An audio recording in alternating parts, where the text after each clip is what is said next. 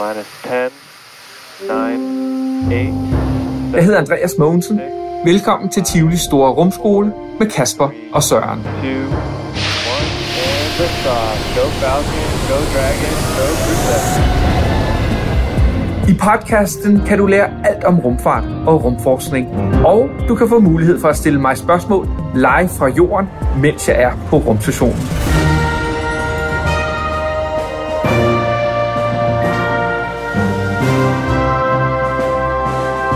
Så er det nu. Det er ved at være tid til. Tivoli Store Rumskole!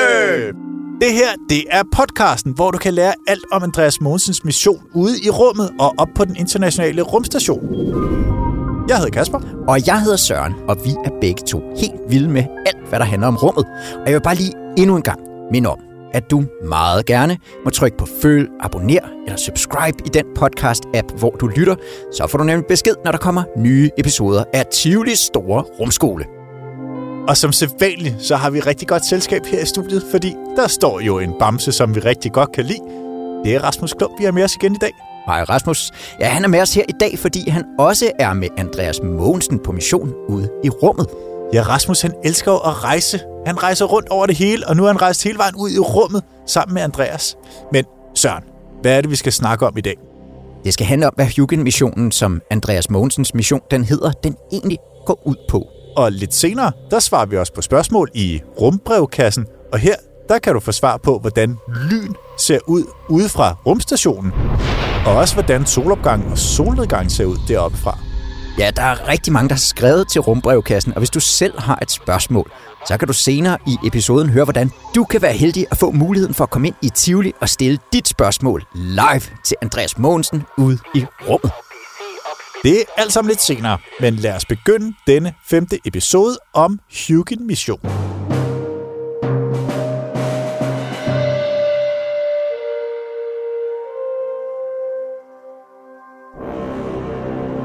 Mission. Hugin-missionen, det er det, man kalder Andreas' mission.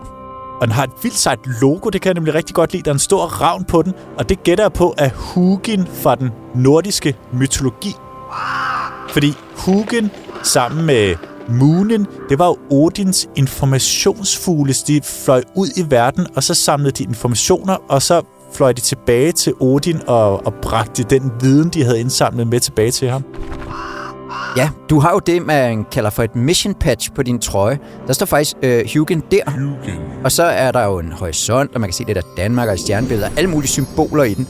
Og faktisk er øh, den internationale rumstation også med på den. De er gemt som sådan to streger lige hen over, kalder man skulderen på, på vingen der.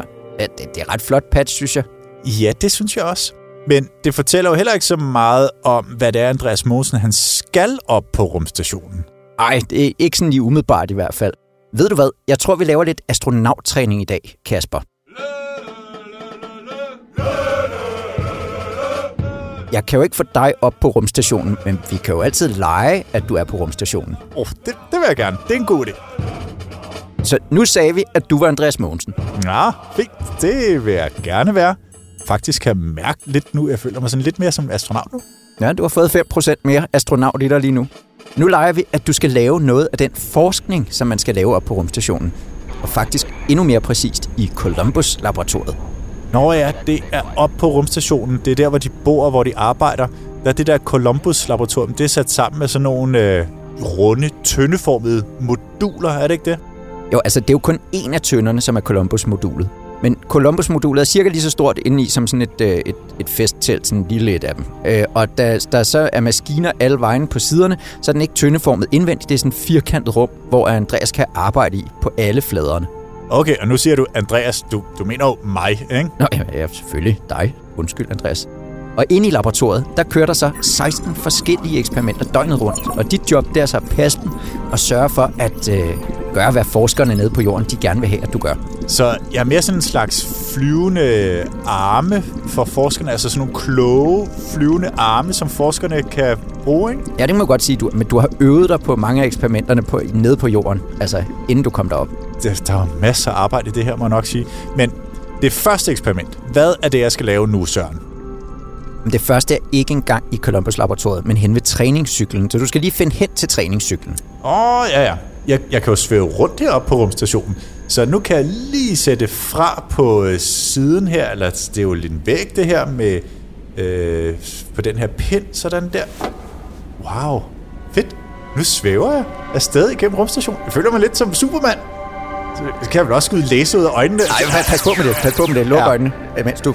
Nej, det skal du heller ikke. Så støder du ind i tingene. Nå, så sagde vi altså, at du havde fundet din cykel, ikke? Så nu skal du sætte dine fødder fast i pedalerne. Ja, det er rigtigt. Sådan der. Øh, så sætter jeg mig... Nej, den her cykel, man sidder på, den har jo ikke nogen sadel. Så jeg kan jo ikke sætte mig op i sadlen her. Ja, den cykel, man sidder på, den har ikke nogen sadel, for der, der er jo ikke noget tyngdekraft. Der er ikke noget, man behøver ikke at hvile sin numse på noget som helst. Så man sætter sig ikke op i sadlen på den. I stedet for, så, så sætter man, klikker man sine fødder fast ned i pedalerne. Og så skal du altså have det her seje VR-headset på. Det er sejt. VR, altså Virtual Reality, i rummet. Oh, betaler de Andreas Mogensen penge for det her? Altså for en løn for at prøve det her? Nå, hey. Ej, hvor er det sjovt. Det, jeg ser noget, men det er, jo, øh, det er jo bare en mark. En helt almindelig mark. Det er jo ligesom nede på jorden.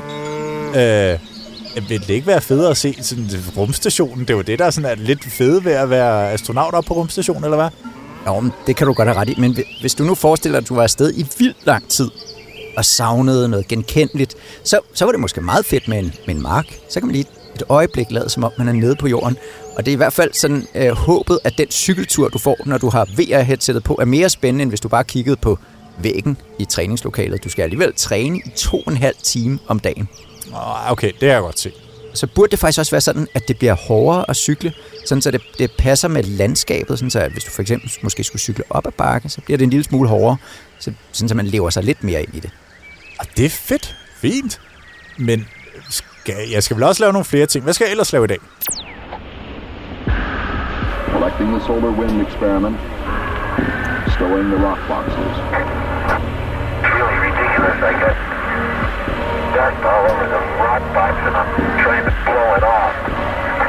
vast amount of new data. Jamen faktisk så har du allerede lavet et af dine eksperimenter i nat. I nat? Der lå jeg bare og sov. Øh, og så var jeg så også lige oppe og tisse en enkelt gang, men, men ikke andet end det. Nej, men du havde sådan en, en slags sådan, nærmest en øreprop ind i øret, havde du ikke? Jo, det er rigtigt. Det var ja. den der, der hed min EEG-måler, som var sådan en eller anden øh, slags måde at måle min hjernes elektriske signaler, hvis nok. Altså for at se, hvordan min hjerne den arbejder. Nemlig. Og den måde, den fungerer på, er, at normalt så er det sådan en ret stor hjelm eller en masse elektroder, som man som skal opfange hjernens signaler. Så når man bare har sådan noget, der ligner høretelefoner, så, så er det nemmere at sove med. Så, så det var noget, jeg bare havde på, imens jeg sov, sådan helt uden at tænke over det. Det var sådan set smart, at man kan lave forskning på den måde. Ja, det er faktisk den nemmeste forskning. Så i nat, da du sov, der udførte du faktisk også eksperimenter. Og sådan er det at være astronaut. De er ofte selv sådan forsøgskaniner. Men grund til, at man interesserer sig så meget for søvn her, det er, at det simpelthen er så vigtigt, at man får sin nattesøvn. Ja, altså, det kender jeg jo virkelig godt. Altså, hvis jeg ikke har sovet ordentligt, så har jeg dagen efter så er meget svært ved at koncentrere mig. Og, og jeg er træt selvfølgelig. Men egentlig så har jeg tænkt over, at jeg tror faktisk også, at selve det arbejde, jeg laver, det tror jeg, jeg bliver dårligere til. Nemlig. Så det her, det er altså vigtigt for både astronauter, men altså også for os her på jorden. Og det er faktisk sjovt, du siger jo også, at du var oppe og tisse i nat, ikke?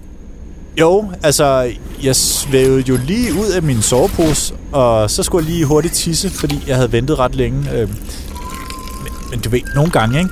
så er det sådan, altså gider man ikke at skulle ud og tisse, fordi man ligger så godt i sin seng, ikke? Øh, men så når man er oppe på rumstationen, så kommer man i tanke om, at der kan man flyve, og, og i øvrigt så svedte jeg også sådan, øh, jeg havde det varmt. Så, så, så, så gad jeg godt, så svævede jeg lige ud og tissede alligevel. Ja, okay. Men altså, det, var en lang historie om, at du havde været ude at tisse. Men, men det, du lavede, det var i hvert fald super vigtigt i forhold til det næste eksperiment. Aquaporin-eksperimentet. Aquaporin. Det var et fancy ord, Søren. Det siger mig ikke så meget. Altså, jeg tisser jo bare, og så tisser jeg jo ned den der støvsuger, som man skal tisse i på rumstationen. Nemlig, ja, ja, rolig nu, ikke? At Det, og du svedte også, ikke? Og så tabte du vand på to måder på den måde. Du svedte, og du tissede. Ja, det, ja, det kan man jo godt sige. Jeg tabte vand på de to måder. Ja, den er god nok. Og det, du skal gøre nu, det er at tage den her lille pose med tis og sved, og så skal du lave det næste eksperiment. Ja, det, altså det lyder jo pænt klamt, men, men så er det jo, man siger, alt for videnskaben, ikke? Jo, det gør det skal du i hvert fald. Det er dit arbejde. Men det er faktisk ikke klamt, for alt tissen og alt sveden, den bliver inde i posen. Og det vi skal gøre nu, det er, at øh, du skal til at filtrerer det igennem nogle sådan ret seje membraner, der kun lader vandmolekyler komme igennem. Så det bliver suget igennem med noget, der hedder osmose med sådan en saltvandsopløsning. Det lyder smart, men du siger saltvandsopløsning. Man kan jo ikke drikke saltvand, og det er det, der er hele pointen, ikke? At det skal blive renset, så det kan blive til drikkevand igen, ikke? Jo, det skal være en, en anden måde at gøre det på, det her. Men, men der er heldigvis en anden membrandims her, som gør, at at man kan få vandet ud af saltvandet. Men det er altså det er et helt andet eksperiment. I første omgang, så skal du heller ikke drikke det her. Det skal nemlig undersøges nærmere øh, nede på jorden. Mm, okay, så forskningen, den, den fortsætter nede på jorden bagefter. Nå, sejt! Men øh, hvor, hvorfor er det egentlig vigtigt, det her? Altså, hvis man nu vil til månen eller til Mars, så kan man simpelthen ikke have nok vand med til hele turen, hvis man skal være afsted i lang tid, hvis man ikke genbruger det. Nå, så det er et, et vandgenbrugsforsøg, det her. Jamen, det kan jeg godt lide. Og det er så også et eksempel på et eksperiment, der er super smart i rummet, men altså også super smart nede på jorden. Ja, fordi det er jo ikke kun i rummet. Det er jo også nede på jorden. Der må være masser af steder, hvor det er super smart at kunne bruge sådan nogle membraner, som du kalder det her, til at lave rent drikkevand. Fordi rent drikkevand, det er jo altså en af de allerknappeste ressourcer hernede på jorden. Ja, det her, Kasper, det var, faktisk, det var jo faktisk kun tre af de mange eksperimenter, som Andreas skal lave op på rumstationen. Eller undskyld, du skal lave op på rumstationen. Så man kan læse meget mere om det. Hvis man søger på Hugin-missionen, så kan man altså komme ind og, og læse meget mere om, hvad det er for nogle spændende ting, som Andreas han skal undersøge på sit halve års tur op på den internationale rumstation. Piece by piece, they assemble the station.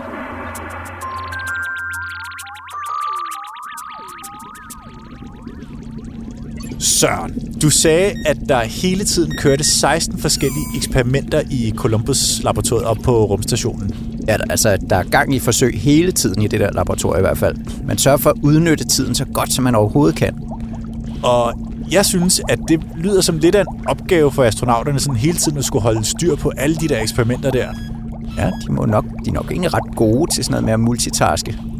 Jamen, multitaske, det er, det er jo det der ord for at gøre flere forskellige ting på samme tid. Men i virkeligheden, ikke? så er det faktisk ret svært at gøre. Det er svært at multitaske, Søren. Og det tænkte jeg, det kunne vi lave et lille eksperiment med. Ja. Og før, der var det jo mig, der fik lov til at være Andreas Mogensen, så nu må det være din tur. Yes. Godt. Søren, så nu skal du lade som om, at du er Andreas Mogensen. Done. Ja, okay. Øh, hvad hedder du? Andreas Mogensen. Okay. Øh, Hvor mange bogstaver er der i dit navn? 15. Okay. Øh, Forbløffende resolut svar. Øh, hvordan vidste du det lige uden at tælle? Jeg ved alt om at være Andreas Mogensen, når jeg er Andreas Mogensen. Okay, ja. Skræmmer mig en lille smule, Søren, men okay. Uh, nu skal du høre, hvad det her multitasking-eksperiment det går ud på. Du får her en blyant og et stykke papir. Og så skal du først skrive dit navn, og bagefter så skal du skrive tallene fra 1 til 15 på papiret. Og det skal du gøre så hurtigt som muligt. Og jeg tager tid. Er du klar på det? Uh, ja, okay. Jeg skal bare skrive mit navn og de første 15 tal uh, hurtigst muligt. Jeg er klar. Okay, sæt i gang. A, N, D, R, E, A, S, M, O, G, E, N, S, A, N. 1, 2, 3, 4, 5, 6, 7, 8, 9, 10, 11, 12, 13, 14, 15. Færdig. 18 sekunder, Søren. Ikke dårligt. Men øh, Søren, Andreas. ja, Andreas, øh, nu skal du prøve at multitaske. Det vil sige, du skal prøve at holde styr på bogstaverne og tallene på samme tid. Altså, før der skrev du jo først bogstaverne, og så tallene. Men nu skal du skrive akkurat det samme igen. Den her gang, der skal det bare være sådan, at du skriver et bogstav, og så et tal, og så et bogstav og et tal, og et bogstav og et tal. Så det, så det skal bare skifte hele tiden. Nemlig. Stadig på tid. Ja, og det gælder stadig om at gøre det så hurtigt som overhovedet muligt. Er du klar? Ja. Sæt i gang. A, 1, N, 2, D, 3, R, 4, jeg skriver E, øh, øh, E, 5, A, 6, S, 7, M, 8, O, øh, 9, E, 10, E, 11, øh, N, 12, S- søn.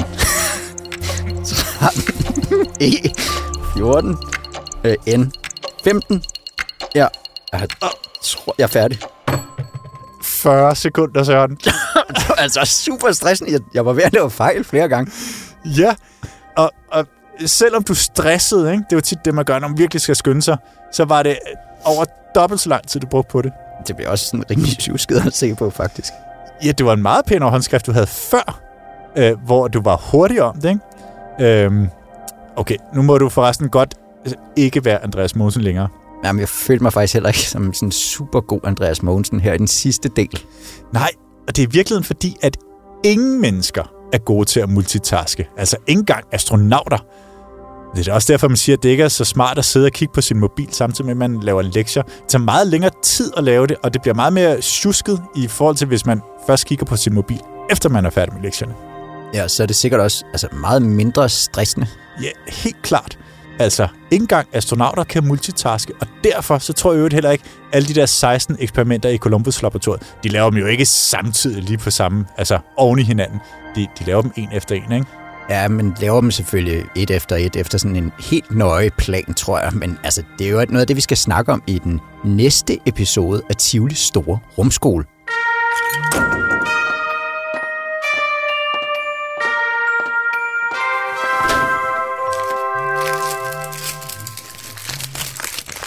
Og nu skal vi nemlig så til Tivolis Store Rumbrevkasse.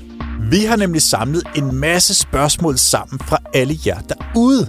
Og dem skal vi svare på lige om lidt. Men først så skal vi fortælle om noget, som vi synes er helt vildt. I november 2023 stiller vi nemlig om live fra Tivoli Store Rumskole til Andreas Mogensen på den internationale rumstation. Og her kan en håndfuld superheldige børn stille spørgsmål live til Andreas i rummet.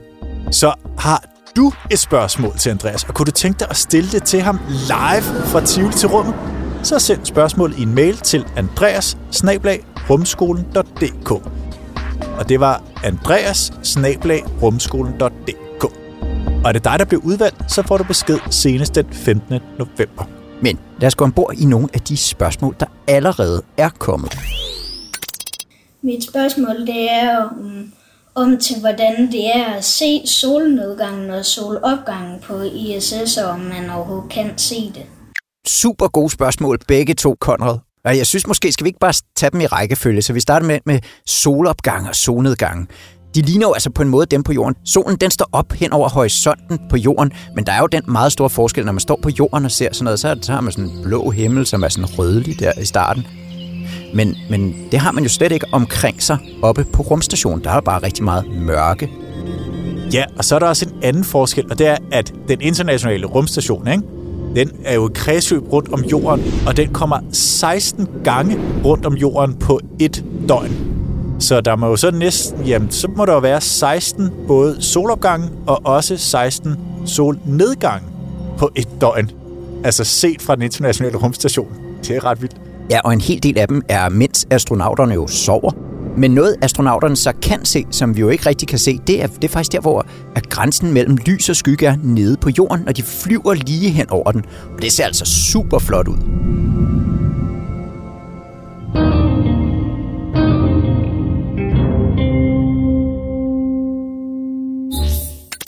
Hej, jeg hedder My. Jeg er 8 år gammel.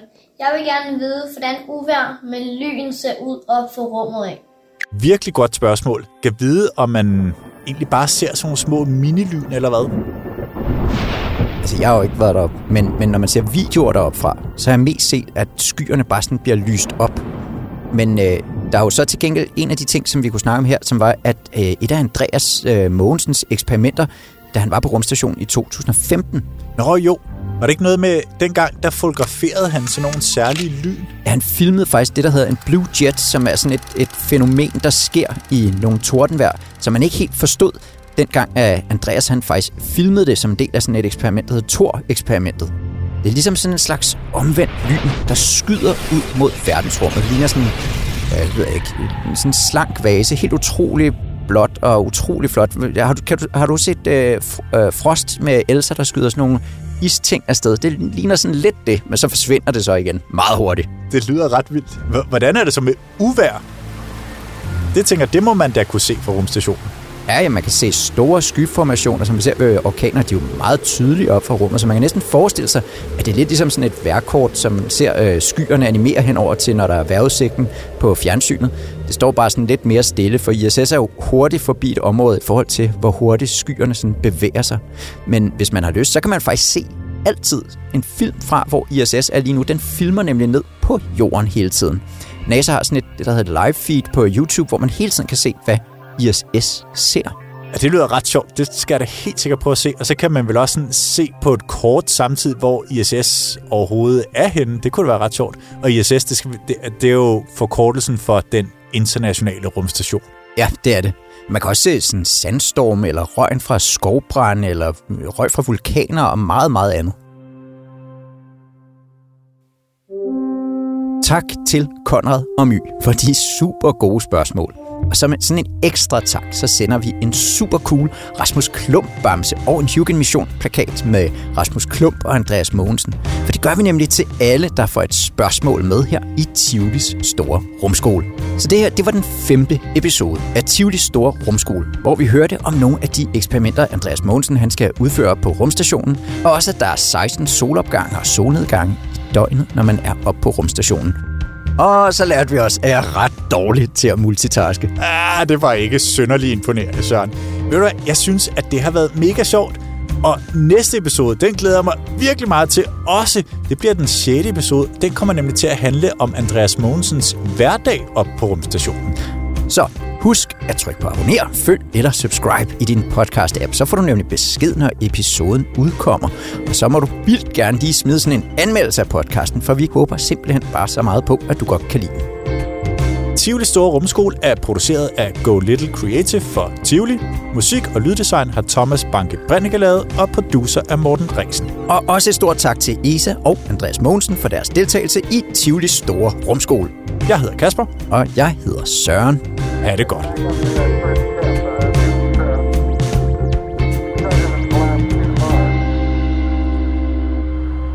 It's one small step for man, one giant leap for mankind. I podcasten er der blevet brugt klip fra ESA og fra NASA.